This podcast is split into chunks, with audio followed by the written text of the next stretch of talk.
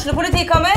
Ine Jansen er purk. Er du purk? The motherfucking bitch. Alt jeg vil, er å finne ut hva som skjedde med mannen min. Jon Carew. Er jeg sikta for noe? Iben Akeli. Det er du. Ole So, Lars Berrum og Big Daddy Karsten. Hvem sin side er du på, egentlig? Anette Hoff, Tone Danielsen, Kommer du fra Afrika?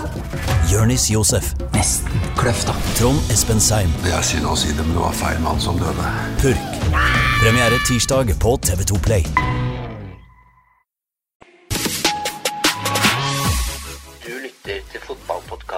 Dödboll.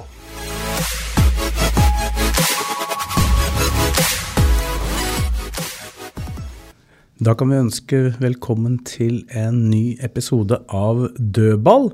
Denne gangen eh, är er det bare jeg sjøl, Morten Svesengen, som eh, sitter her eh, av det vanlige panelet. Men jeg har med meg en til, og det er Andreas Georgsson, LSKs nye trener. Kan jo starte med det med en gang, Andreas. Uttalen av etternavnet ditt, har vi treffet på den i Norge, eller vil du at den skal uttales på en annen måte? Ja, men ni har lite starkare G i början. Eh, Andreas Georgsson. Georgsson, ja. Så det er, det er mer J enn G. Exakt. Ja. Så det utgår egentligen från Georg. Förnamnet Georg. Men det kunne jo også vært Georgsson i Sverige, kunne det ikke det? Uh, I England kanske. Ja. I Sverige, nej, jag tror Georg hade varit den mer rimliga starten. Ja. Og du har jo så vidt kommet i gang som LSK-trener. Tre fellestreninger er vel det dere har eh, hatt nå med fotball. Hvordan har, kan du starte med det? Hvordan har starten vært? Väldigt bra skulle jag säga. Det har varit, eh, vi har gjort en poäng av och, och från dag ett och första timmen ihop försöka börja bygga en kultur eh, som vi tror kommer vinnande i längden, något som vi är stolta över och kan ställa krav på varandra utifrån och också stötta varandra i. Så att det tycker jag, det har vi fått till i träningen och, och en stor del är att när vi går ut och, och går över linjen in på planen så kör vi och då är det hög fart och en jäkla tävlingsinstinkt och, och tempo och fokus i det vi gör. Och där har vi legat i tre dagar och så bra tror jag de första två dagarna att vi fick bara ta ner belastning och, och längd på passet lite idag för att se till att inte spelarna får tunga ben för snabbt. Så nå snakka du jo mye om at du hadde sittet og sett gjennom eh, veldig mye av 2022-sesongen på, på video og danna deg et inntrykk av spillere. Hvordan, hvordan er inntrykket etter å ha sett dem i virkelig livet på banen? Men jag hade sett så pass mycket så det har inte varit några stora överraskningar. Eh, men eh, det är klart att i, i de momenten vi, vi tränar och så som vi önskar att spelet ska se ut så precis som jag tror du och jag pratade om i någon av de första dagarna, det är klart att vissa spelare känner lite morgonluft och känner att det här passar mig perfekt medan andra kanske känner att oh, här gäller det att- steppa upp för att hänga med. Så det är lite små nyanser men överlag skulle jag säga att bilden det stämmer väl med det som dels Simon och de andra i intervjuprocessen berättade men också som jag själv har sett eh, när jag tittat på laget.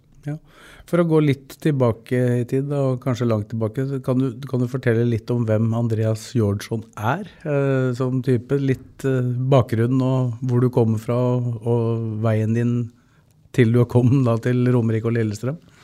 Ja men gärna. Eh, den började i Lomma utanför Malmö. Där jag var egentligen en fotbollsgalen pojke. Spelade från jag var 5-6 år. Och när jag inte tränar fotboll så spelar jag gärna på egen hand. Ehm, så det är klart läxa och skola och kompisar skulle hinnas med. Men det var väldigt mycket fotboll. Kvällar och storsköt mot väggen med min pappa som var min tränare också. Så att i början var det bara att spela fotboll, alltid. Fram tills jag kanske konstaterade att 26-27 års ålder så jag kan nog inte leva på fotboll som spelare. Utan ehm, jag hade mer och mer börjat glida åt att jag kan nog se mig själv i en tränarroll istället. Som, som spiller, da, hvor, hvor langt uh, klarte du å bringe deg sjøl eh, der? Mm, nei, men jeg spiller till tredje nivå i Sverige. uh, så det är väl en semiprofessionell nivå där man ändå jag kom iväg från min, min goa moderklubb där allting var känt och bekant och kom in i en lite tuffare tillvaro med en satsning att vi skulle bli ett elitlag och ja, men du vet vad det innebär. Ett lite tuffare klimat och lite mer konkurrens om platser och också jag fick känna på både bra period och period där jag tappade lite självförtroende och kände att jag inte var önskad riktigt. Så att väldigt lärorikt att jag fick det också som spelare även om det inte var på högsta nivå. Utan högsta nivå har jag fått uppleva som, som tränare och försöka samla på mig egen erfarenhet via de spelarna jag har jobbat med. För att göra färdig din egen eh, aktiva fotbollskarriär, eh, vad slags spelartyp var, eh, var du? Nej, men jag, var, eh, jag var ganska duktig på att läsa spelet och funktionell i min teknik. Väldigt duktig på huvudet. Eh, men lite för långsam för att verkligen kanske klara ett, ett väldigt eh, intens, intensivt spel med, med högt tempo och stora ytor att täcka. Ehm, sen var jag väl också inte riktigt medveten om vad som krävs för att faktiskt kunna lyckas och nå sin fulla potential. För jag trodde nog att jag, jag hade nog kunnat bli lite bättre och komma lite längre om jag bara hade varit lite tidigare klar över vilken professionalism, vilka förberedelser och vad är det som krävs för att man ska nå dit man kan. Men så är ju livet. Det, det insåg jag lite för sent men det är också bra när man coachar yngre spelare att man har egentligen den chansen. Altså, du, har, du har fortalt litt og brukt litt eh, erfaring fra din egen karriere. Ja men tror det också, behovet av förebilder. Det fanns inte så mycket förebilder i min klubb för vad som krävs för att lyckas med sin fotboll. Förebilderna var nog mer vad som är kul att hitta på på helgen med kompisarna. Och det går ju inte alltid hand i hand. Det er ikke nødvendigvis den beste resepten. Jag är inte säker på det hvor på banen spilte du? Jag var en central mittfältare hela min uppväxt och hela min ungdomsperiod. Och sen när jag sista fem, sex åren då jag väl kanske egentligen var som bäst så spelade jag mittback. Jag kom längre och längre ner liksom i, i plan och, och därifrån var nog där jag hade störst potential, absolut. Mm. Men så skjønte du underveis her at eh, en trenerkarriere eh, var det som du kanskje kunne nå längst med, da? Ja, och njuta av och precis kanske där jag har absolut störst potential att bli duktig och tävla med de bästa i, i Europa.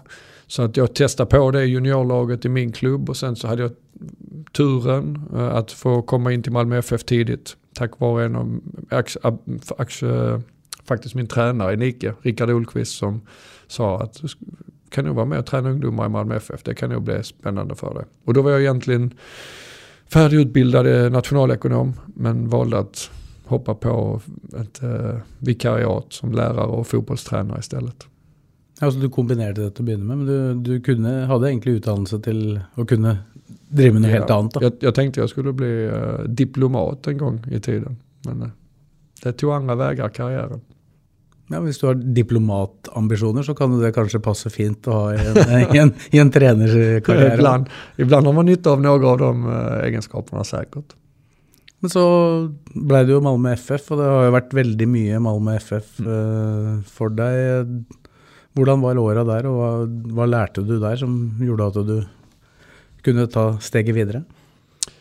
Nej, men det var väl hela min eh, tränargrundskola där jag fick jobba med väldigt eh, duktiga eh, kollegor och där några av dem tillsammans med mig var med och forma en, eh, ett lite mer utvecklingsorienterat sätt att utbilda unga spelare. Så att fortfarande med väldigt stor tävlingsinstinkt men försöka att se lite längre än att bara vinna helgens match och hur man behöver träna, rekrytera, spela match för att man ska maximera spelarnas potential. Så det, det la en fin grund för hur man kan träna kreativitet inom en struktur, hur man kan utmana sig själv varje dag, hur man kan hitta potential där kanske andra inte ser det.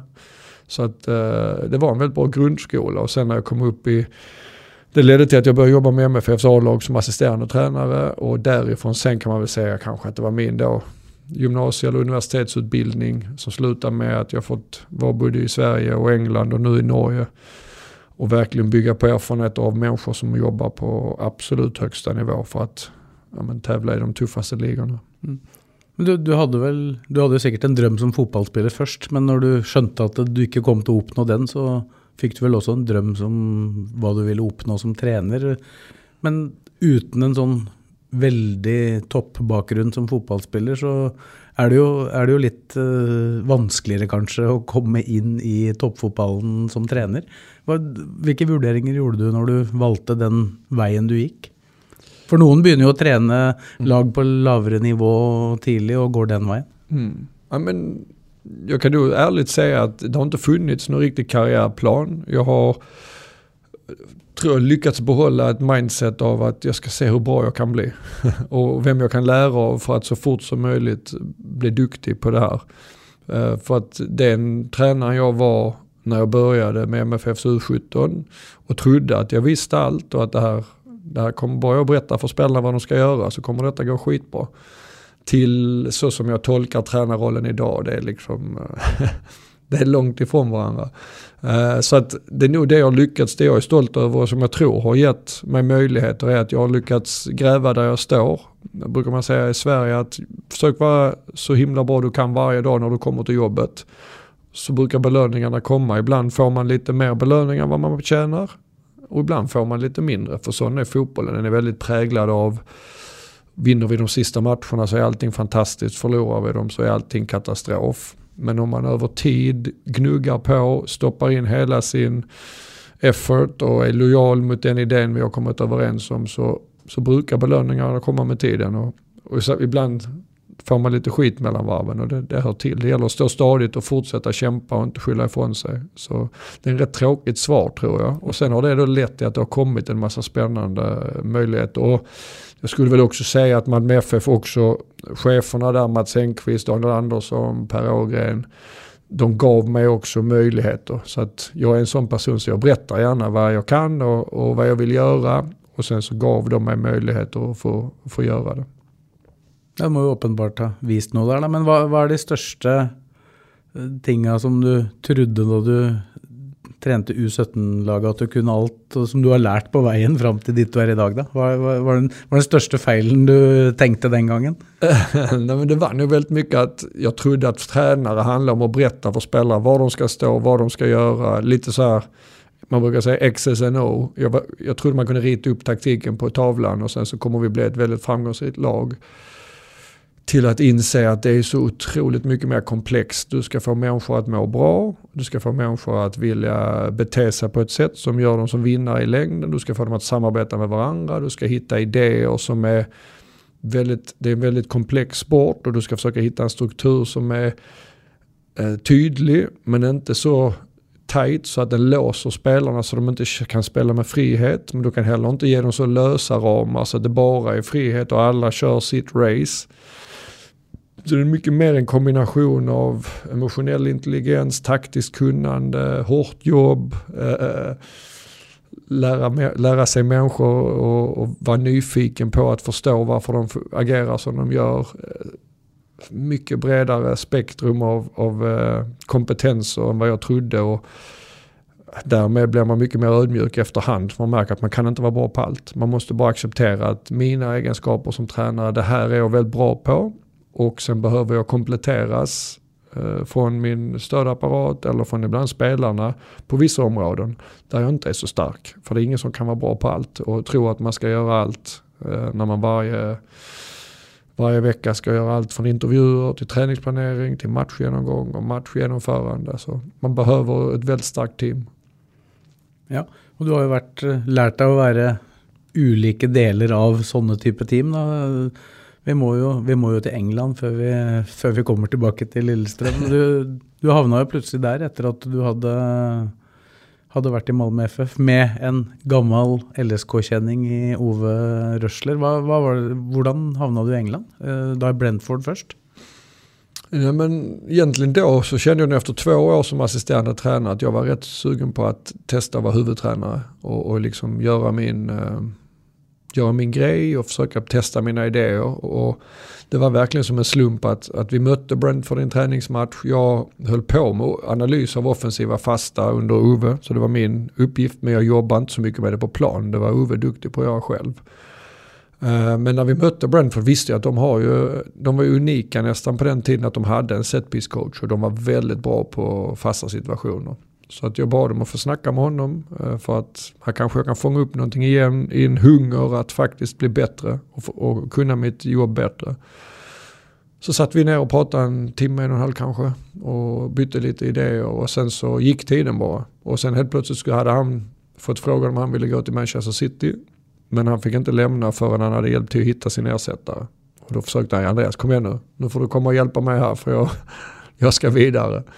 Och det kände jag inte riktigt för jag, trodde, jag kände set pieces är lite för snävt och, och detaljerat för att jag ska kunna känna mig stimulerad och passionerad. Ja, och inte på någon måte något du hade specialiserat dig Nej, på det egentligen inte. Exakt, det är en väldigt bra poäng. Mm. Eh, men jag har väldigt gott självförtroende så jag tänkte det, det klarar jag nog. Men det var nog mer att jag, ja, jag, jag, nej, jag ska bli huvudtränare, det är det. Men sen kom de tillbaka igen och sa men vi kan göra rollen mer som en assisterande tränare. Du jobbar även med individuell utveckling och så kom över och träffa oss i alla fall. Så Så åkte jag över till London och träffade Thomas Frank som är huvudtränare och Rasmus Ankersen som är sportchef, en av två sportchefer. Och det är också väldigt fascinerande människor som ja, svåra att stå emot. Fick en väldigt tydlig känsla att de här vill jag jobba med och jag tror jag kan lära mig väldigt mycket om jag gör det. Och då åkte jag hem därifrån och kände att det här måste jag nu ta för att jag vet inte om chansen kommer igen. Så att, eh, då blev det bara en annan väg som jag egentligen inte hade tänkt mig. Mm. Ja, den nysgjerrigheten du viste ved å faktisk be om en samtale med dødballtreneren Ja. til Brentford, ble på en måte det som Det hadde ikke skjedd uten den. Det hade det inte, absolut. Og da dro du dit og hadde vel en sånn rimelig god suksess, da, i og med at det kom andre klubber på banen ganske raskt. ja men precis, det var ju verkligen uh, learning by doing. Jag kom dit mitt, för jag var- ville göra klart säsongen med Malmö innan jag kunde åka. Så jag kom dit i 15 omgången på Championship. Så det var ju liksom full fart eh, och förbereda för match direkt. Och jag fick ju verkligen lära mig efterhand som vi gjorde det. Men lyckligtvis fanns där en otroligt bra process igång sen Nicolas hade varit där innan. Så jag försökte egentligen bara ta vid där. Och de, de hade också ett sätt att jobba som spelarna tog väldigt stort ownership och liksom hjälpte till. Så att jag minns så väl första dagen så bad Christian Nörgaard att få prata med mig. Eh, han är kapten idag. Och så, så berättade han liksom vad de hade gjort och vad jag borde tänka på. Och sen varje dag när vi tränade så var han ju mitt största stöd. För han drev ju processen väldigt mycket på plan också. Och jag såklart hade mina idéer och, och drev det också. Men han, han tog väldigt stort ansvar för att jag skulle komma in i det och att mina idéer fick effekt. Och att jag förstod vad de hade varit bra på innan. Så, så körde vi det och så hade vi, vi gjorde en helt otrolig säsong. De hade gjort tror jag, ett mål på de första 15 matcherna och sen tror jag vi gjorde 20 mål på fast situationer de sista eh, 31. Och det var ju inte så att jag gjorde något magiskt utan tillsammans fick vi lite effekt på allt det som de hade byggt upp under flera år. Men då blir det såklart att, åh, vad är det här för nästan trollkarl? Och samtidigt så hade jag jobbat ihop med den målvaktstränaren som Mikael hade tagit till Arsenal. Och han och jag hade fått en bra eh, connection. Så han tipsade ju Mikael om att ja, men, de letade en coach. Han tyckte de skulle prata med mig och på den vägen sen så blev det. Ja, når Arsenal kom på banen der med Arteta som eh, sjef, så var det kanskje vanskelig å, å ikke si ja.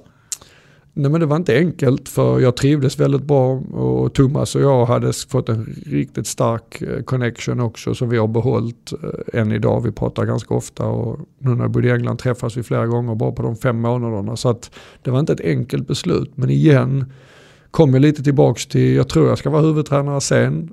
Det jag kände jag saknar kanske lite var ändå den här djupa taktiska förståelsen som jag när jag pratade med Mikael kände att eh, jag kommer inte hitta en bättre miljö för att verkligen också taktiskt få en ny nivå i min, i min kunskap. Og han kom jo da med relativt fersk erfaring fra en trener som har hatt enda mer suksess i Pep Guardiola. Ja, ja visst. Och har, är ju nästan ett fotbollsgeni skulle jag säga Mikael. Det är otroligt vilken skicklig tränare och vilken detalj i allting han gör och vilken vinnare han är varje dag när han kommer till jobb. Så att det var väl det, att jag får bra chans igen då för att inte hoppa på. Med risken såklart att det blir kort tid i Brentford och sen Arsenal och sen så blev det ganska kort tid där också för sen kommer nya grejer.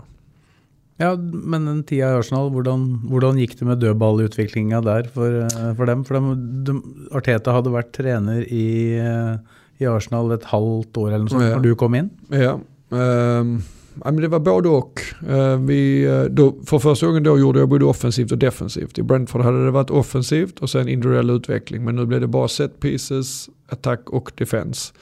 Och då defensivt fick vi till ett otrolig förbättring. De hade varit väldigt svaga året innan, släppt in mycket och varit osäkra. Och vi blev ett av de bästa försvaren i ligan. Så där fick vi rätt på det. Och den metoden jag hade var rätt så inte så detaljerad, ganska straightforward och, och, och inte så djup.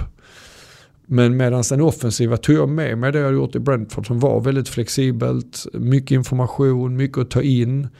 Och det blev inget riktigt bra. Det tog ett tag innan jag insåg att åh, det passar inte riktigt i den kontexten. De var inte vana vid det. De hade också en väldigt tung eh, mängd av information som kom via Mikels sätt att jobba och få igång hans spel. Så offensivt tog det rätt lång tid innan vi började känna att ah, men nu börjar vi bli bra. Och jag fick skala av och ta bort och göra den mer lite smalare och enklare. Så det var en bra lärdom också att det som funkar i en miljö behöver inte funka i en annan. Eh, och du måste hela tiden fundera över den gruppen du jobbar med. Ja, är det det att vara tillpassningsdyktig som är viktigt då? Att du Ja, om, dig själv då? Det gäller att göra, sen vet vi inte. Hade jag gått in i säsong två hade jag gjort en hel del annorlunda med Arsenal. Ehm, och det var väl egentligen så jag valde att göra det i Southampton. Och med de lärdomarna i bagaget eh, lägga upp det annorlunda.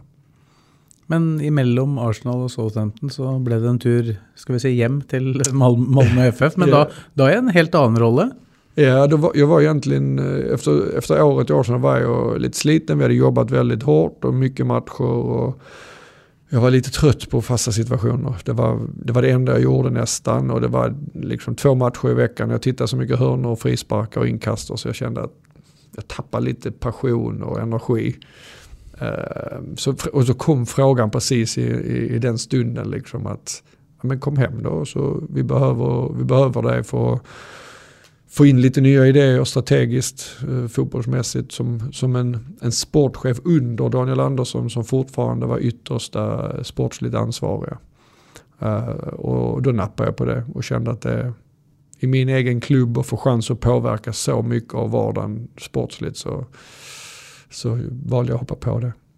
Ja, hvordan gick det? Du blev ju efter hvert huvudtränare, men det var väl för att han som var huvudtränare försvann? Eh, nej, men första året var ju tufft skulle jag säga. Jag gjorde ett väldigt komplext arbete för första gången och skulle hitta rätt i hur man ska använda sin tid och hur man ska fungera i en, i en stor klubb också. Där det hela tiden innan i min karriär så hade jag varit i roller där jag egentligen inte hade så mycket makt och inte påverka andra människors vardag så mycket. Medan nu kom jag in i en position som var mycket mer, mycket mer makt och påverka många fler. Och då, då blir man också uppfattad annorlunda och situationer tolkas annorlunda mot vad jag var van vid sedan tidigare. Och, ja, men mer eh, påpassade av media, spelare, tränare. Det var, det var mycket att hålla reda på och lära sig. Så det tog lite tag innan jag kände att jag hittade rätt idé. Um, under den tiden också så fick jag hoppa in som tränare tio matcher och, och det har ju också en stor utmaning att gå från, från en sportchefsroll in i en huvudtränarroll under en begränsad tid. Så hvordan var liksom tanken bak det att du gick in då? Det är ju en helt lignande situation som Simon Mesfin Ja. upplevde i Lillestrøm nu i sommar, att han måtte in och ta ansvar i några kamper efter att Mm. eh, Geir Bakke dro till Vålerenga. Var det, var det ett bevisst val från klubben, eller var det bara så att du måtte in och, och ta styrningen? Hvordan skedde det? Nej men det är väl nästan i den stunden kanske ett, eh, det bästa av några dåliga alternativ. Man vill inte eh, avskeda en tränare mitt i säsong. Och vi var dessutom då mitt i ett Europakval och en, en toppstrid i allsvenskan. Så då gjorde väl klubben en bedömning att hur får vi bästa chans, för vi hade åkt ur Champions League-kvalet mot eh, Salgiris och vi behövde snabbt komma in på banan för att möta eh, Dudelange i dubbelmöte och spela i allsvenskan. Och då var väl deras bedömning att jag kan truppen, jag, jag har varit tränare i klubben innan så att det är inte önskvärt att flytta sportchefen till interimtränare. Men det var nog det bästa alternativet tror jag klubben bedömde just då. Så målet om att bli huvudtränare blev plötsligt en realitet utan att Ja, det egentligen var meningen. Ja, och på ett sätt som kanske i efterhand jag känner att det var, det var en otroligt bra erfarenhet. Jag är faktiskt väldigt stolt över de tio matcherna där vi fick till några, fick en snabb vändning i Europaspelet, gick vidare med 5-1 och 5-1 mot Dudelange och Sivasspor och gick till Europa League-gruppspel. Men vi hade också en period i allsvenskan där vi tog färre poäng och hade lite oflyt och åkte på två sena eh, poängtapp. Så vi valde, eller klubben valde att säga att nu vill vi nog inte riskera Andreas i den rollen mer utan vi tar in Åge Hareide som en interimtränare eh, säsongen ut. Och så kan Som, jag... som også Malmö hadde gode erfaringer med fra tidligere. Da. Exakt, och Daniel kände väldigt väl och eh, så här. Så då, då kände han att det är ett bra sätt att vi har uppnått delvis det vi ville, att stabilisera skeppet, komma ut i Europagruppspel, vilket ja, men det är mycket pengar på spel och det, det ger viktiga erfarenheter, erfarenheter för klubben. Och så kunde jag gå tillbaka till att leta efter den tränaren klubben skulle försöka rekrytera till nästa säsong. Ok, Så det ble din hovedoppgave da? Precis, Ja. så då gick jag ifrån laget rätt så långt och så fokuserade på det och lite strategiska saker. Och sen så fortsatte jag i det spåret säsongen efter, att det blev mer en teknisk chef. Eh, Så lite längre från A-laget, ännu mer med scouting och ännu mer med sportslig metodik och strategi för klubben. Ja, etter det jeg forsto, en rolle som da egentlig din nåværende assistent i LSK, Robin Asterhed, eh, skulle i, eller begynte nå 1.1. Ja, Vissa delar av den tjänsten skulle, när jag då lämnar så landar vissa på honom och några på en kille som heter Jaime som är där eh, nu. Och sen har de anställt Ola Toivonen som en assisterande sportchef. Så jag tror Malmö FF lärde sig också lite av den resan jag gjorde. eh, hur, nej men hur utmanande det är att lära sig det jobbet som Daniel Andersson har gjort otroligt bra under lång tid. Och att man har valt ett lite annat sätt att fördela ansvaret på. Så att eh, det är sån fotboll är, men som sagt det var bra lärdomar. Eh, det som man kanske känner är att tränargärningen där faktiskt har blivit lite nedtryckt. För vi gjorde rätt så mycket bra grejer de där tio matcherna. Vi fick inte belöning för allt. Men jag är ganska stolt över den perioden. Ja, og du mener sjøl at eh, akkurat nå, når du sitter i den situasjonen du er i nå, skal overta et nytt lag for første gang fra et seniorlag, i hvert fall fra, fra se, serieoppkjøringa, eller sesongoppkjøringa, så føler du at eh, det, de ti kampene har stor verdi nå? Väldigt. Och vissa av misstagen jag gjorde under den perioden, för man gör, fotboll är ett eh, spel av misstag och saker som man gör, vissa blir jättebra, vissa har jag lärt från och måste förbättra liksom. Det, det är klart, de, de behöver inte göra om de misstagen, de, de är jag bättre förberedd för nu. Så jag tror ändå de tio matcherna var otroligt nyttiga, även om de kom på ett sätt som man kanske inte hade önskat. Har du noen åpenbare feil du kan fortelle om som du gjorde da, som du eh, har lært av? Nej, men det är väl lite det här att vad händer när man kommer i en maktposition och hur, hur tolkas man av sin omgivning. För att som, som yttersta ledare är det viktigt att förstå hur andra känner och uppfattar att jag, även om jag gör någonting med en god intention, så kan det vara så att den, den uppfattas som negativ av min omgivning bara på grund av den, den rollen jag faktiskt har. Eller att jag gör någonting som jag inte jag tror det uppfattas på ett sätt men det är ett annat. Så det var väl det att eh, ja, men just förståelsen för hur jag uppfattas av min omgivning, det var viktigt. Och ehm, sen det här med liksom mängd timmar på träningsplanen, taktisk förståelse. Där hade, jag har lagt väldigt mycket av min karriär på att bli duktig på det. Men eh, det var också bra att få jobba som den som ska få människor att växa. För då hade jag lite grejer jag behöver fylla på. Alltså kom du jo fra én ledende posisjon til en annen også. Da. For spillere f.eks. så vil jeg Mm. tro at det, de skulle forholde seg til deg på en annen måte. Knepigt, Mm. exakt. Det är, det är en sak att ha en relation som sportchefspelare.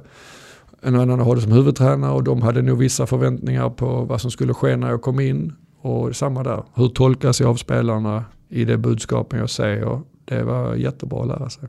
Mm. Men så ble jo ikke tida så lang i Malmö den gangen heller. Da, da ble det Southampton eh, Ja. nå i sommer som var. Blir vel det nå? Precis, och då, nej det var väl en kombination av saker. Den rollen trivdes jag med men jag, jag kände att jag saknar planen lite grann. Och igen då när Southampton hör av sig så är det med en, en sportchef Rasmus som var samma som i Brentford. Eh, nu, var han nu är han ägare i Southampton och en huvudtränare Russell Martin som nej men han, eh, han fångar min upp, uppmärksamhet och han är annorlunda jämfört med alla tränare jag har träffat. Så då blev det också att uff, jobba under honom och, och lära från honom och kämpa ihop med honom blev otroligt spännande. På hvilken måte var han annerledes? Nej men det är nog, han är så otroligt eh, klar i sin övertygelse om hur han får människor att växa, hur han får människor att bli modiga att eh, bygga en stark gemenskap i gruppen och riktning för oss. Och han tog ju egentligen ett Southampton som hade åkt ur och var, det var rätt mycket utmaningar med att bara få människor att må bra och le och, och vilja gå i samma riktning. Men hans ledarskap varje dag, hans eh, känsla för människor och hans eh, otroligt så här, karismatiska ledarskap för att få människor att följa det han säger.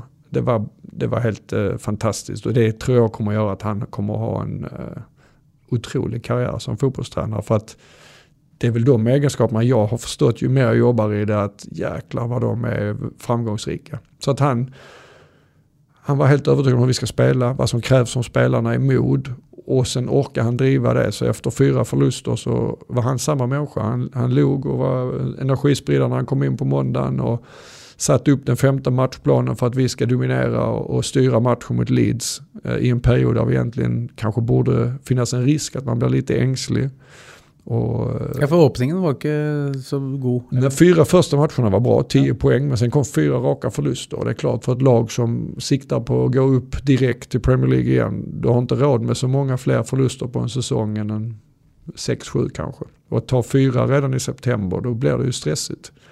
Men han bara stäng, helt övertygad om att vi är på rätt väg, byter inte riktning utan bara kör och lyckas vara samma person rakt igenom den perioden. Och nu har de 19 matcher i rad utan förlust sen den dagen när de slår Leeds. Vi slog Leeds hemma med 3-1. Men då var det väl under maxpress och ändå klara av att stå där med samma energi och riktning och övertygelse. Så det är det som gör att han är unik. Mm. Det blir spännande att följa det. Du följer väl lite extra med där. Det har varit en del mm. dödballskåringar där har jag lagt märke till efter att det blev känt att du, du skulle överta LSK. Nej, jag är väldigt stolt eh, över de fem månaderna. Vi fick till det jättebra. De lärdomar jag hade dragit tidigare kände jag verkligen att jag hade, vi tillsammans kunde sätta i, i verket. Så vi fick till en väldigt stark process. Och den tror vi, och det var också jag var väldigt glad när jag läste och fick höra av Russell efter att den grunden kommer de ha nytta av minst hela denna säsongen och förhoppningsvis framöver. Och när jag tittar på deras matcher nu så ser de ut som ett hot framåt och de ser väldigt stabila ut bakåt. Men så är det ju då massa erfarenheter du har tagit med dig eh, i andra roller än det att vara huvudtränare och også lite då som huvudtränare i Malmö FF. Nå eh, nu ska du leda ett seniorlag för första gången från begynnelsen på en säsong. Hva, vad, hva har du lärt och hur vill du se ut som tränare? Vad det du har tagit med dig här? Vem, hvem, hvem vill du vara av, den mixen av tränare du har fått erfarenhet med? Nej, jag, jag vill vara Andreas Georgsson. Jag tror det är superviktigt. För om man inte är äkta och är sig själv så ser spelare och kollegor igenom det direkt. Så att det är klart att jag plockar metoder och idéer och så här från alla de jag har jobbat med. Eller framförallt de som jag verkligen sett upp till. Men sen tror jag jag måste vara mig själv och igen då veta om, det var också därför detta jobbet blev så spännande. För att jag presenterar exakt vem jag är, styrkor och svagheter. Eh, för att jag hade ju ingen egentligen ambition att lämna Southampton. Så att i en intervjuprocess kunde jag vara helt öppen och ärlig med detta är jag riktigt bra på. Så här vill jag att mitt lag uppfattas och så här vill jag att de spelar. Och när Lilleström då säger att perfekt, du är rätt man för jobbet, vi vill ha dig till varje pris. Så är det också en känsla att jag har inte behövt vara en säljare för att få det här jobbet. Jag har berättat vad jag tror på och det är det man vill ha. Och det var då jag kände att okej, okay, ska jag göra mitt första riktiga huvudtränaruppdrag så är det en väldigt bra grund att stå på i en fin klubb, stark supporterstöd, bra atmosfär, bra facilitet och du vet alla de här praktiska grejerna såklart. Som gör att man vill vara på en plats men i kombination med att jag tror kemin och tajmingen är väldigt bra. Mm, men för att gå lite tillbaka då, den processen med LSK du ble vel antageligvis kontakta av det selskapet som LSK brukte mm. i ut, utplukkingsprosessen først, da, og Nexus. Mm. Uh, da du hørte om Lillestrøm første gang, hva, vad tänkte du då? Jag tänkte jag får nu läsa på lite innan jag säger någonting till dem. så jag visste ju såklart att det är en klubb som har varit bra historiskt, tagit några, tagit några ligatitlar visste jag men jag visste inte hur mycket. Uh, och resten behövde jag nog läsa på. Eh, för att eh, det är inte så att jag har följt norsk fotboll särskilt noga eh, under min tidigare karriär. Utan man blir, när man får börjar jobba tycker jag med högsta nivån så blir det väldigt mycket fokus på den ligan och du lever liksom genom nästa omgång, nästa motståndare och så får du en väldigt djup kunskap av det. Och de du möter i Europaspel, då blir du duktiga på just dem. Men det är inte så mycket tid att liksom ta in så mycket mer än det. Så det var väl att läsa på och skapa mig en bild på det viset framförallt. Men också ringa Ove, fråga vad är detta för någonting, vad, vad tror du? Du känner mig väldigt bra, skulle jag passa i klubben? Skulle jag kunna vara framgångsrik där. Jag pratade med Mladen Blagojevic som har varit på akademisidan i Lilleström som också berättat ja. han känner mig också djupt sen vi har spelat ihop sen länge och han sa du kommer passa perfekt. Det kommer, du kommer älska det och du kommer trivas där. Så att, nej men det är också att försöka liksom med alla referenser, alla medel man har, försöka leva sig in i detta kommer jag passa och funka. För jag tror väldigt mycket på att en tränare kan vara fantastiskt bra i en miljö men inte så lämplig i en annan. Likadant som en spelare, en som passar och funkar jättebra i en miljö. Det är ingen garanti att den passar i en annat spelsätt eller något annat ledarskap. Så att försöka skapa en bild av att eh, hur är kemin och hur är tajmingen och matchningen här. Var du i samtal med någon av de som svenska tränarna som har varit i LSK tidigare då?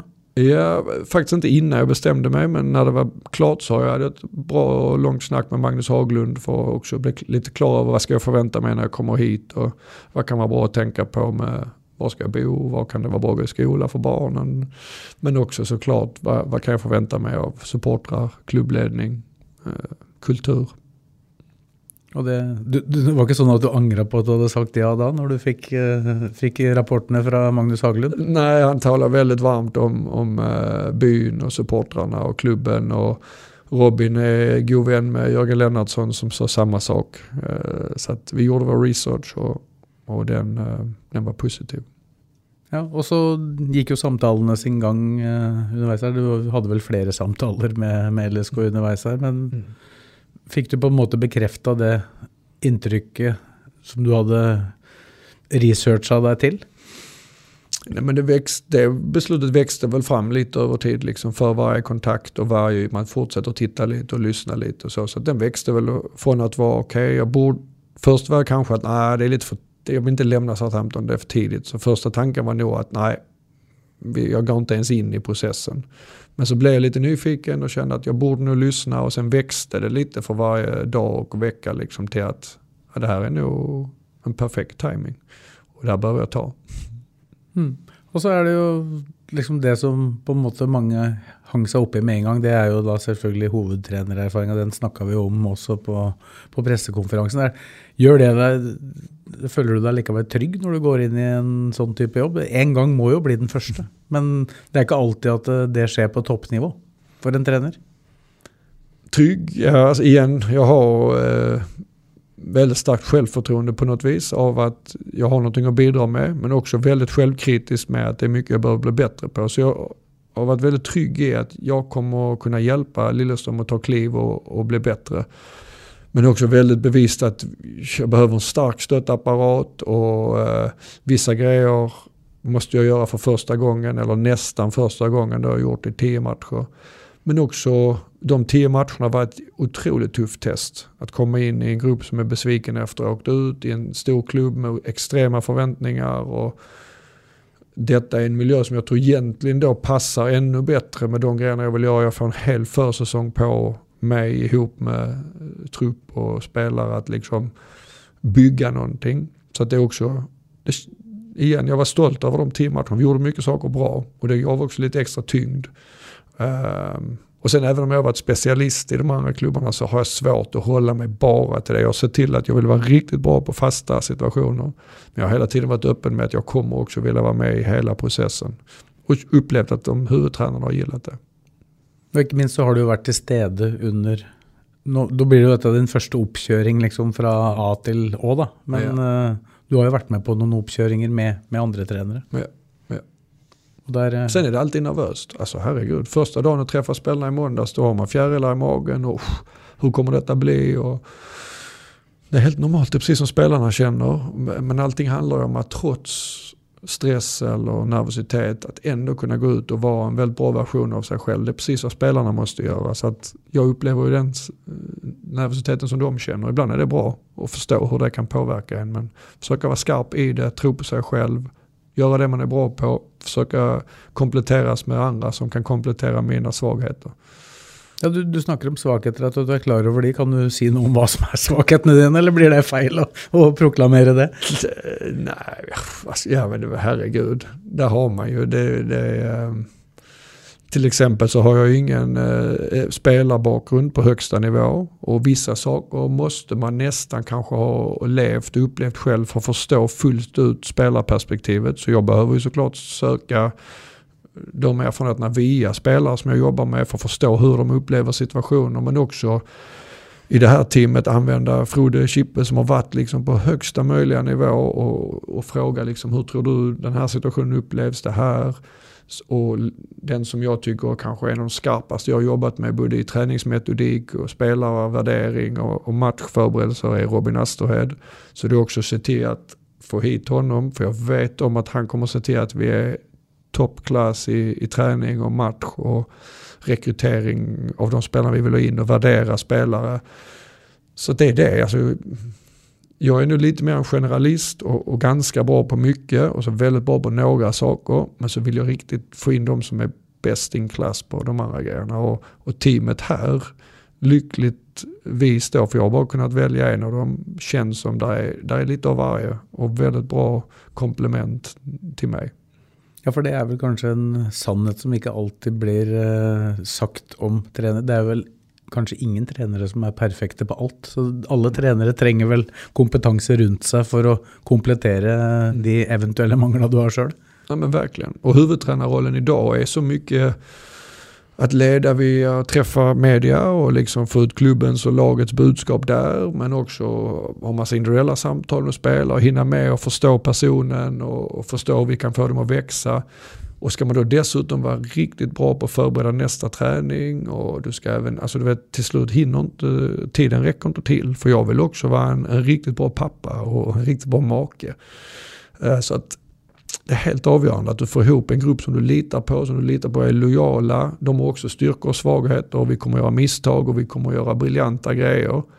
Men först då tror jag du kan få ihop en, en hållbar helhet där du har tid där du faktiskt inte heller tänker på fotbollen och slappnar av. Det var också en av grejerna Russell imponerade så mycket på mig med att vi måste vara lediga för att kunna vara riktigt bra. Vi måste kunna komma bort från fotbollen, vara med familj, samla energi för att sen komma in och vara vårt bästa jag när vi är på, på jobb. För det var något som jag upplevde efter året i Arsenal, att jag var väldigt trött mot slutet av säsongen. Tappade en kvalitet i det jag gjorde tyckte jag, Tappade lite glädje i det. Och det gäller ju att ha en metod som håller hela året. Inte bara första månaden när allting är, alla kommer från semester och är fulla av energi.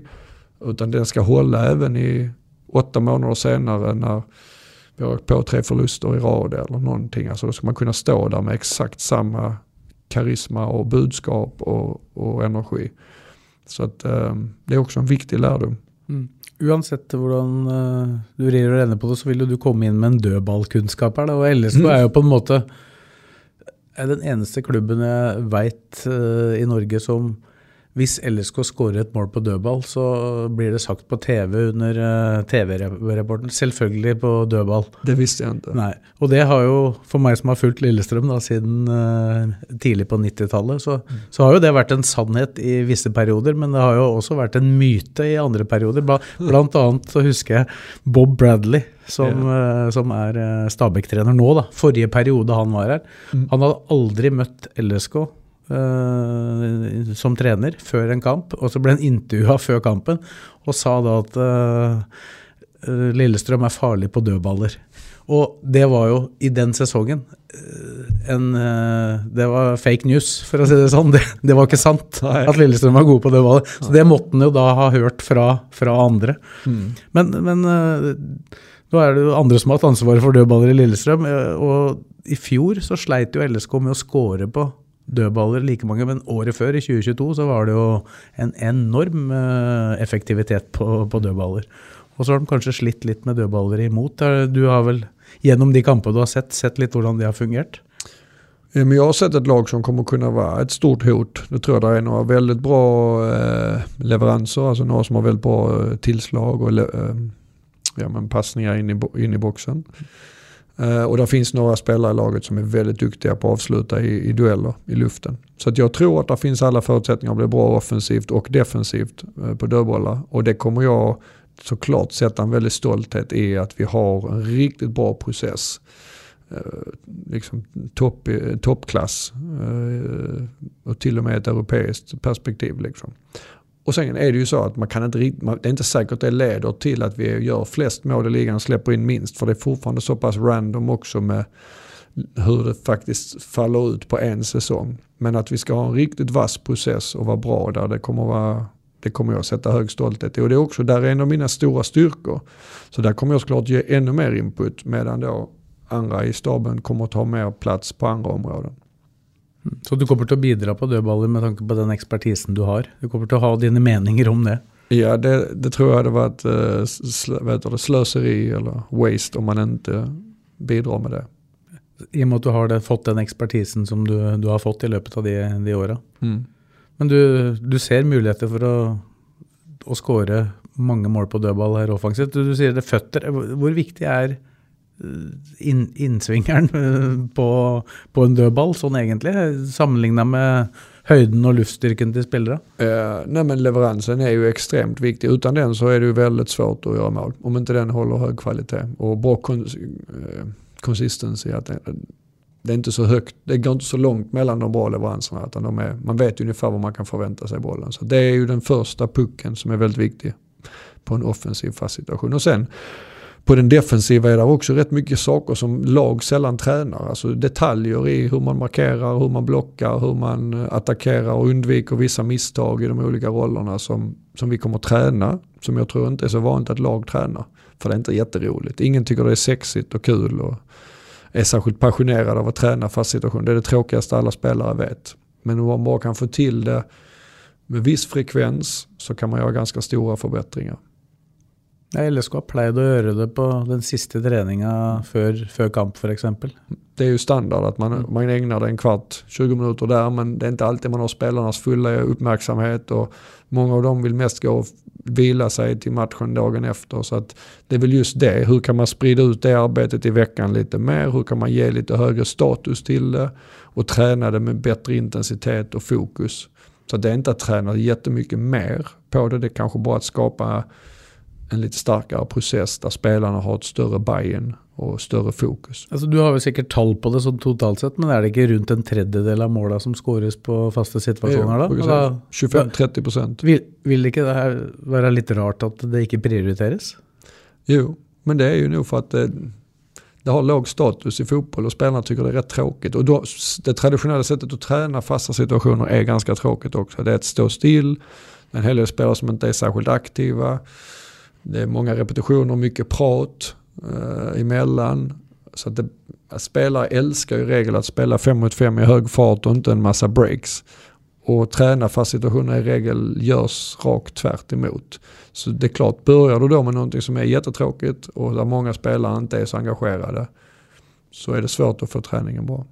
Mm. Men uh, han har ju flera kvaliteter, Gjermund Aasen, men uh, signeringen av han var ju inte uvesentlig för att kunna ha en god dödballfot extra i troppen. Nej, det är ju en av hans stora styrkor, så det, det är vi tacksamma för. Men du, du har ju sagt, varit ganska offensiv i måten du har uh, sagt att ni ska angripa denna säsongen och inte minst varje enkel kamp. Du ska ut och styra mm. kamp oavsett motståndare och du sa väl på presskonferensen att du skulle vara konkurrensdyktig från 1 april. Uh, mm. Det, det, er høye ambisjoner tidlig, da, og det er ambisiøst spill, ikke minst. Kan du si litt om detaljene i hvordan dere vil framstå, uten å gå helt i dybden på, på hele spillestilen? Men jag tror jag sa att vi kommer att gå ut för att eh, försöka dominera matchen i så stor utsträckning som möjligt. Och det innebär att ett lag är aldrig dominant i 90 minuter nästan. Utan beroende på hur skickligt motstånd du möter så har du vissa perioder där du kan vara dominant och vissa perioder där du, du sliter lite och behöver freda ditt eget mål. Så ambitionen kommer vara att gå ut och försöka dominera varje match. Eh, och inte titta så mycket på att och nu möter vi det laget, ja, då får vi nog spela en helt annan typ av spel och bara försvara oss lågt. Eller, för jag tror då, då tror vi inte riktigt på att processen att vi ska bli bättre och bättre varje dag. Utan en del av att vi ska bli bättre varje dag det är faktiskt också att ibland gå och försöka göra det mot ett lag som kanske är för, lite för bra på dagen och straffar oss och vi åker på en förlust den matchen. Men den kanske är den, den viktigaste matchen på hela säsongen för vi fick några smällar, tuffa smällar som vi var tvungna att lära oss av väldigt snabbt så att vi inte upprepar dem igen. För att det är det här jag menar, första april ska vi tävla. Att vara tränare i elitfotboll eller spelare handlar inte om att bygga tre fyraårsplaner och vi ska vara bra om tre år. Då har jag inte kvar jobbet. Om jag inte har sett till att vi vinner matcher väldigt snabbt. Och då kan jag ha vilken fin process som helst men jag har inget jobb så jag har ingenstans att göra den. Så att, eh, det, gäller, det gäller att vara riktigt konkurrenskraftiga första april och det innebär att okej, okay, vissa grejer vi vill göra som tar längre tid att bygga får man ha lite tålamod med och ta dem i takt med att vi känner oss redo. Vissa saker som att skapa en, en, kultur för vinnare, det kan vi inte vänta en dag med. Så det är det vi har ägnat hela första veckan till att se till att vi är överens om vad det är.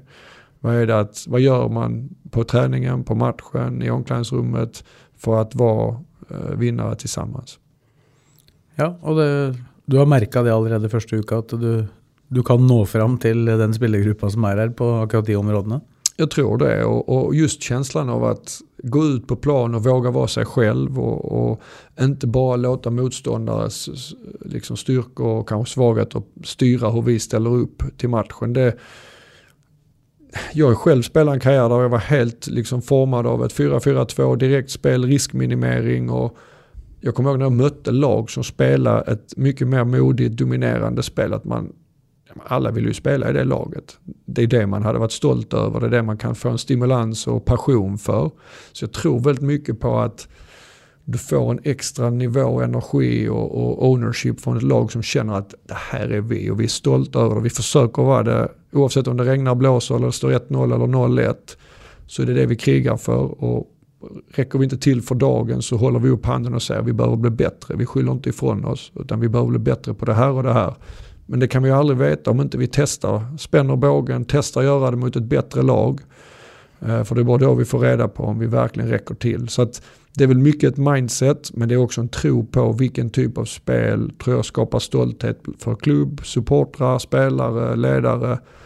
För då kan vi även i tuffa perioder stå där och säga detta är vi och, och vi kommer få jobba hårdare med att bli bättre på det istället för att så fort det börjar blåsa, ja, men då gör vi någonting annat eller då justerar vi risken och så är vi mycket försiktigare. För då tror jag det är svårt att vara trovärdig inför en spelargrupp. De är, igen, spelare är smarta, de ser igenom det. Om inte jag tror fullt ut på det, var ska de göra det? Mm. Det får meg til å tenke på Jeg følger jo litt over middels med på Premier League og så, så jo noen Arsenal-kamper i starten av mm. Eh, Artetas karriere, sannsynligvis når du var der. da. Mm. Og han virka jo veldig sta på at han skulle spille på den måten som han mente var den riktige måten, og så gikk det med på noen smeller. Hvordan opplevde du det fra innsida? Ja, det var ju en skitbra lärdom. För att jag kommer ihåg den perioden, jag tyckte vi Alltså fantastisk metod i veckan, tränarstab och liksom detaljnivå som var det bästa jag någonsin hade sett. Och ändå kunde vi inte få ihop tillräckligt med vinster. Jag tror vi hade två vinster på nio matcher i en period och hela världen tyckte att Mikael Arteta skulle få sparken. Men istället så fortsatte vi tro på grunden i det vi gjorde men vi justerade just lite saker kring okej okay, hur får vi upp tävlingsinstinkten, hur får vi upp intensiteten i vardagen. Så att, för att vi hade börjat, tycker jag, spela lite långsam och förutsägbar fotboll. Och vi skapar inte tillräckligt mycket hot mot motståndarna, varken i anfallsspel eller försvarsspel. Så med lite justeringar, lite vinster, förbättrat självförtroende, för det kan man aldrig komma ifrån. Att med vinsterna kommer lite energi gratis. Så tyckte jag att där tog de en riktning den vintern, eller vi var det ju då, men den har följt med och i takt med att de sen har ja, men fortsätt på att få till rätt balans i hur stram ska den här taktiken vara som spelet ska vara. Var kan spelarna spela med frihet och var behöver de hålla sig till strukturen. De har fått in spelare i absolut världsklass och de unga har utvecklats med Bukayo Saka som ett exempel till absolut världsklasspelare och nu är det ett av världens bästa lag. Där det finns inget tvivel om deras identitet eller vad de ska göra på matchdagen. Och jag tycker det är en fröjd att se dem spela. Nu sliter de lite med resultat några matcher igen. Men min känsla är att det är mycket mer bara fotbollens randomness som gör att de får inte riktigt betalt för allt det de gör för stunden. Men om vi pratar om tio matcher fram så är jag säker på att vi sitter och säger att de har vänt trenden och de har börjat få betalt för den dominansen de har i varje match. Mm. Nå skal du til Lillestrøm. Du er sikkert eh, godt vant med supportere der du har vært. Eh, Nå skal du ha hovedansvaret sjøl. Hva veit du om LSK-supportere, bortsett fra at du sier at du har hørt at de er bra? Jag har hört att de är väldigt bra på att skapa en, fin atmosfär på hemmamatcher. Och fin för oss, men tuff för motståndarna. Det, det är precis så det ska vara. Det ska vara ett helvete att komma som motståndare till Åråsen. Och, eh, så den är jag klar över. Men sen finns det också en tydlig förväntansbild för vad laget ska vara. Med hårt arbete och det ska gå framåt och man ska hota med sitt spel. Det ska inte vara en massa eh, passningar bara för passandets skull. Eh, man är också van av en historia eller man sätter en stolthet i de titlar man har tagit och det finns förutsättningar att vara ett lag som, som är topp fem. Så jag tror också att om inte vi får till resultaten så kommer man att vara missnöjd och visa sitt missnöje. Vilket är helt naturligt i fotboll. Så att det kommer säkert finnas helt underbara stunder och sen kommer det finnas några tuffa stunder. Eh, men alla vill ha det goda stödet. Då får man också vara beredd att ta ibland kanske buandet och ibland kravställningen. Så länge jag känner att vi har varit oss själv, jobbat otroligt hårt och, och verkligen varit modiga när vi kommer ut på plan så kommer jag vara stolt över laget. Och lättare att ta de stunderna men det kommer finnas tuffa stunder garanterat. Og så er det én ting som eh, har vært en trend i fotballen da de siste åra, det med å spille seg ut bakfra. Det, det har ikke alltid blitt like godt mottatt på Åråsen, i hvert fall ikke når det mislykkes og det går, går treigt. Hvordan, hvordan er ditt forhold til det? Jeg regner jo med, med den bakgrunnen du har, kan jeg mistenke at det, det kommer til å bli noen ganger dere kommer til å spille dere ut bakfra. Är det svårt att dominera matcher om man inte kan acceptera att ibland så behöver man flytta på motståndarna lite för att skapa de ytorna eh, som vi vill åt. Och, eh, ska du vara dominant så är det svårt att vara det med ett väldigt chansartat spel. När man väldigt snabbt sätter upp bollen långt upp i plan innan man har skapat en yta där.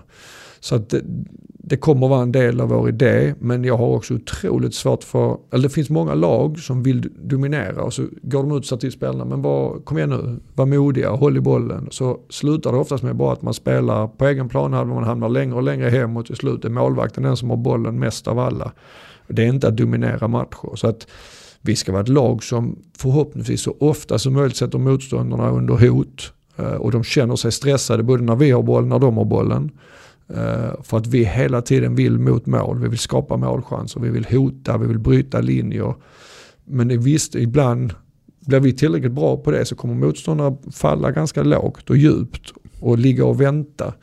Och då behöver man ibland tålamod för att ta sig dit. Så att en av mina grejer jag har behövt bli bättre på är att berätta varför vi gör saker och varför vi tror att vi vill kunna kontrollera tempot i matchen bakifrån. Eh, så det behöver jag också såklart förklara och känner man som supporter att man förstår det så tror jag det är lite lättare att också inte börja bua när den andra eller tredje passningen på egen planhalva slås. Så, men mitt löfte är väl att inte en enda passning ska slås utan ett syfte och så fort vi kan attackera så ska det attackeras. Det är lika fel att spela hemåt och börja om om man har möjlighet att spela framåt och hota. Eh, som att eh, liksom, eh, sparka bollen långt eh, över sidlinjen för att man blir stressad. Alltså, det är lika fel. Så vi kommer hela tiden jobba med att hur skapar vi sätt att ta oss fram i plan, hota motståndaren, sätta dem under press med och utan boll. Och ju mer vi får buy-in från alla på det, ju mer kommer man också förstå varför ibland, ja det kommer perioder där vi måste spela många passningar innan vi kan öppna upp motståndarna. Men det finns inget jag gillar bättre än att göra mål på en eller två passningar. Vinna bollen snabbt in bakom, kontringsmål, finaste och bästa som finns. Så att det finns ingen ambition att det ska vara 20 passningar före två eh, innan vi har mål. Jeg husker jo f.eks. litt sånn følelsen du har innimellom når trenere kommer rett ifra Sverige. Eh, Magnus Haglund sa jo at det var en Han, han blei jo overraska, men han tror jeg også tok med seg noe av det han lærte i Norge Takk. til Sverige, og hadde en fordel av det når han kom tilbake til Sverige. Du har jo da erfaring fra ja, Du har jo vært da i to, to klubber i den ligaen som det kanskje er eh, mest uh, tut og kjør uh, i hele verden, i championship. Så er, er det en nyttig erfaring å ha med seg når du, når du kommer till til Norge, tror du? At du har vært i flere land? Uh, nej, men jag, det är en jättebra liknelse. Jag tror den är helt ovärderlig att jag har varit i två lag som har varit väldigt dominanta i en liga där där är perioder i matcherna där det är väldigt svårt att vara dominant. För motståndarna är väldigt bra på en annan typ av spel. De, de är väldigt direkta, de är bra på långa inkast, fasta situationer. Det, de kommer vilja få det till en matchbild som inte alls är det vi vill. Och vilka nycklar som krävs då för att lite ta edgen ur det spelet och få matchen på våra villkor.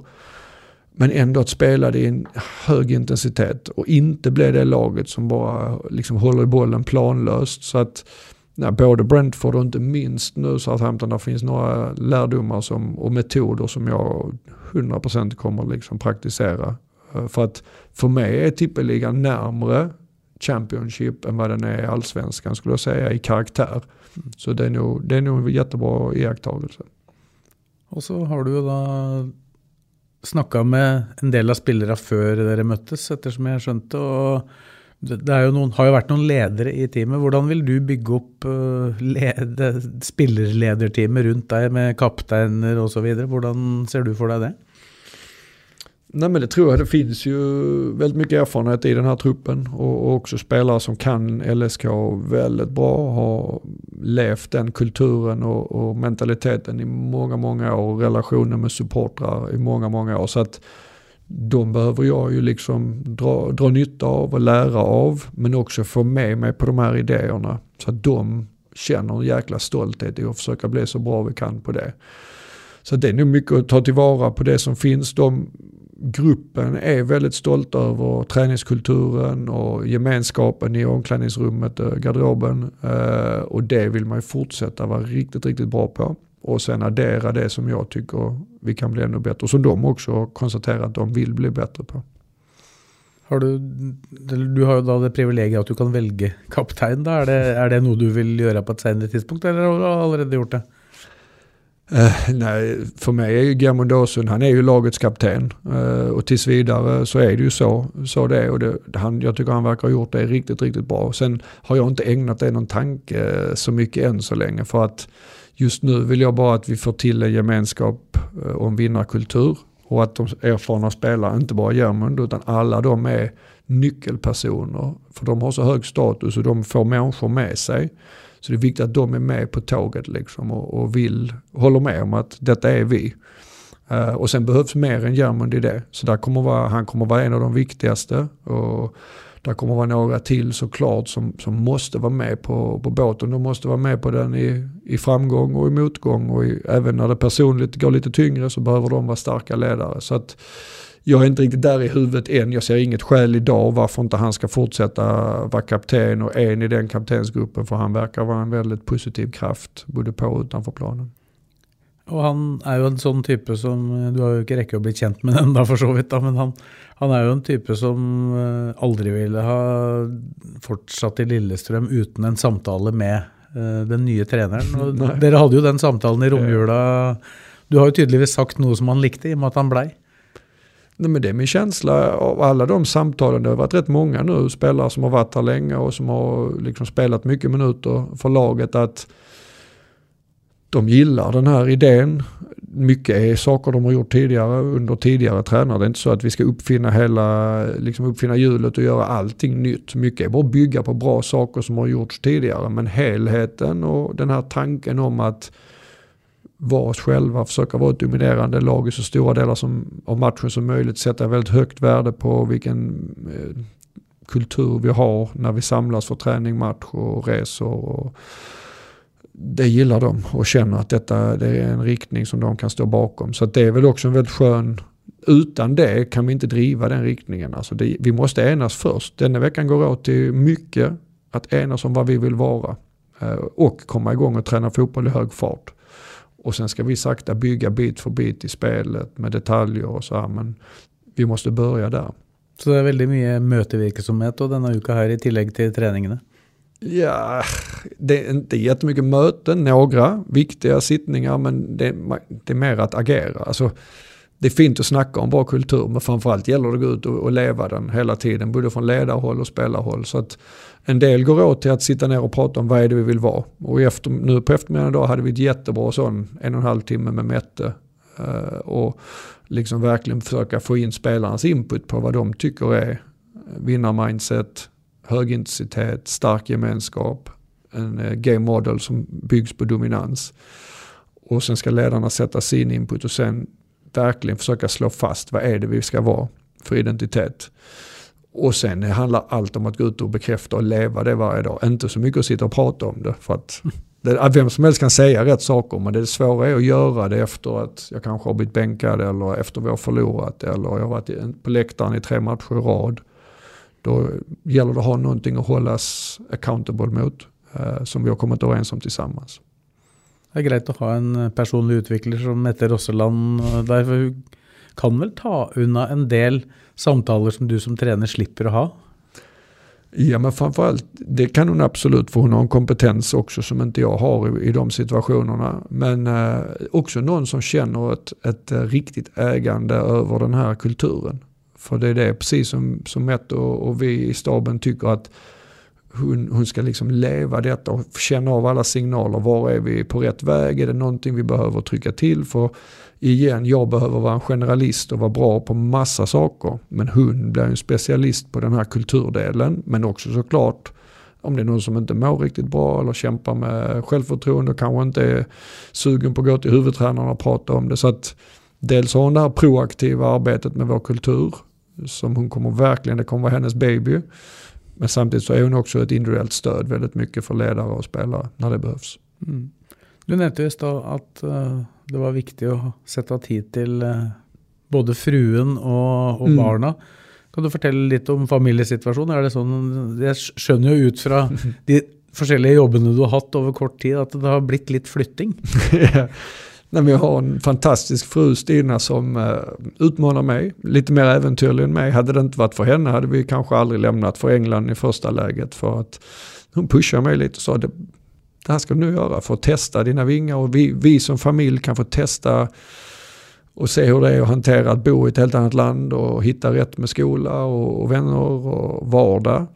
Eh, så det är otroligt tacksam för att hon också orkar med att liksom, okej okay, det blir ju mycket på mina villkor, det är snabba turer. För en månad sedan var vi var överens om att nu är det dags att flytta alla till England. Jag var där först själv de första fyra månaderna. Och över då bara någon vecka så, nej det blir Norge istället. Och liksom det är inte alla respektive som hade kanske orkat riktigt leva på det sättet. Så att hon är fantastiskt stöd där och också känslomässigt veta av var jag är och när jag behöver stöd och när jag behöver en knuff och lite kravställning. Så att hon är motorn där såklart för familjen. Och sen så två pojkar då som är också väldigt modiga. Jag sa till Alfred idag när han gjorde sin första skoldag att jag hade aldrig vågat det som du gör. För att det är, det, det är tufft. Ja, det är, det är mycket flyttning på dem också. Så mm. Hur har det påverkat det barnen? Men det är ju tufft i en början. Och det har de också tyckt såklart. Nervöst och jobbigt. Och han sa idag, kan man, kan man kräkas av att vara nervös? För så var jobbigt att åka iväg på morgonen. Men han växte ju också enormt av två år i London och gå i en skola på engelska där han inte pratar flytande engelska. Och liksom komma verkligen ut ur sin comfort zone. Men han blev ju också efter när man tar sig igenom sådana grejer och har stöd såklart från både familj och sin omgivning så växer man enormt. Eh, så det är ju inte så långt ifrån fotbollen att vi vill också knuffa ut spelare och ledare utanför sin comfort zone. Stötta dem, lära sig och så växer man. Och han och de, Viktor också, fantastiskt fina exempel på, på det. Eh, och i vårt fall Viktor dessutom en pojke med autism som kräver också struktur och förberedelser. Men han har också helt, blivit helt fantastisk på att hantera liksom, och njuta av spännande med nya grejer och nya lärdomar. Så att utan dem hade det aldrig gått. Så att de är nyckeln. Ja, det är en utmaning på hemmabane där och då. Mm. Hur löser ni den eh, flyttning? Går det grejt? Ja, inte alltid. Ibland så har vi också, man kämpar med att hitta hus och allt ska bli bra och man ska landa. Nu har vi redan fått en del pusselbitar på plats och plötsligt kommer vi kunna börja njuta av Norge och Lilleström och så här. Så att, eh, nej, det, det, det, jag tror det, det, för mig är det en otroligt viktig motpol till fotbollen. För att jag har lite tendens att jag skulle kunna jobba 24 timmar om dygnet. Men jag vet att det inte är bra för mig. Så där är timmar på dygnet hela tiden och dagar i veckan där fotbollen är tydlig nummer två. Och där familjen ska få full fokus och prioritet. Och det är en utmaning, ännu mer som huvudtränare såklart där det är ännu svårare att koppla av. Så att, eh, att ibland Stina blir bra på att säga till mig att nu är det bra, nu lägger du den. De kan vänta lite liksom. Och så är det fokus på barnen och mig. Så att eh, det är en balansgång. En av dem jag måste verkligen lära mig som huvudtränare. Ja, så er det jo Jeg snakka jo med deg før forrige helg, og da, da bodde dere på hotell. Det var jo selvfølgelig en utfordring. Eh, Har du klart å få finne deg et sted å bo nå? Ja, jätteskönt. Nu har vi hittat ett hus och vi börjar få en härlig struktur på vardagen. Och Alfred börjar skolan idag så att det börjar falla på plats. Da er alt i orden hva, hva gjør du når du har ledig tid, da? Eh, Bortsett fra at du selvfølgelig er mest med familien. Hva, hva er det du liker å gjøre når du har tid til å gjøre noe annet enn fotball og familie? Nej, men det är inte så mycket mer tid. Jag tror när jag valde att gå in i elitfotbollen så var det också ett beslut att det är ungefär de två grejerna man har tid med. Såklart vill man ge energi och tid till vänner och familj också. Kanske klämma in en paddelmatch då och då när det går. Men man gör också ett val att jobbet tar så mycket tid att man kan inte förvänta sig att hinna med allt det där andra roliga, härliga som andra eh, fäder gör. Men det är ett val. Jag, tri- jag, jag njuter ju så mycket av att vara fotbollstränare. Det är, ju, det är ju både min hobby och mitt jobb. Og så var det én ting jeg tenkte på da jeg har sett de første treningene, for å ta det litt tilbake til det. det er, alle, alle i støtteapparatet snakker engelsk nå. Er det, Ja. det er en bevisst eh, strategi? Eh, jag upplevde när jag pratade med de här som att har, så har det varit förut. Det vet inte jag. Eh, jag tror ju på att vi måste vara helt säkra på att alla förstår vad vi säger. För att mycket, mycket av vår framgång kommer byggas på att vi har ett gemensam förståelse för saker och uppfattar och, och pratar samma språk även fotbollsmässigt. Så att för mig blir det en självklarhet då, Lille som har en väldigt stark tradition av att kunna hämta spelare som inte pratar skandinaviska. Eh, jag pratar dessutom svenska med en stor grupp norrmän. Så att jag tror ibland kanske det är större chans att de förstår vad jag säger på engelska än på svenska. Det ikke alle som er sterke på skånska. Nej, exakt. Så jag tror det, det är också ett sätt att framtidssäkra att vem som än kommer in i gruppen så kan vi säkra att bara de lär sig engelska snabbt så är, det, så är de fine. Det kan vel hende det kommer noen flere som snakker engelsk òg før eh, 1. april? Ja, det vet man ju aldrig. Det är inte omöjligt. Det jobbes med noen spillere. Det gissar jag att Simon är i full fart med. Takk for praten, Andreas eh, Gjørsson. Så høres vi vel eh, sannsynligvis igjen. Det gör vi. Ha det fint. Ukens annonsør er HelloFresh. HelloFresh er verdens ledende matkasseleverandør og kan være redningen i en travel hverdag. Mange av oss har nok vandret i butikken både sultne og uten en plan for middagen, som ender med at vi går for de samme kjedelige rettene gang på gang. Middag burde være dagens høydepunkt. Som HelloFresh kan du nå velge mellom 25 ulike retter hver eneste uke, eller få HelloFresh til å sette sammen menyen for deg. Dette gir deg muligheten til å prøve nye og spennende retter alene eller sammen med familien. Du velger antall porsjoner og får alt levert på døren på et tidspunkt som passer for deg. Oppskriftene er enkle, og maten er lett å lage både for store og for små. Ved å få alt levert hjem får du også mer tid til å dele matgleden med familie og venner. Kanskje det frister med asiatiske tacos eller greskinspirert kylling? Da kan jeg anbefale deg om å gå inn på hellofresh.no. Her kan du bruke koden FOTBALL og få opptil 1779 kroner i rabatt på de første fem matkastene hvis du ikke har prøvd HelloFresh tidligere. Du kan også bruke rabatten hvis du har vært kunde og stoppet abonnementet ditt for tolv måneder siden eller lengre. Gå inn på hellofresh.no og bruk koden FOTBALL. Har du et enkeltpersonforetak eller en liten bedrift? Da er du sikkert lei av å høre meg snakke om hvor enkelt det er med kvitteringer og bilag i fiken, så vi eh, gir oss her, vi. Fordi vi liker enkelt. Fiken superenkelt regnskap.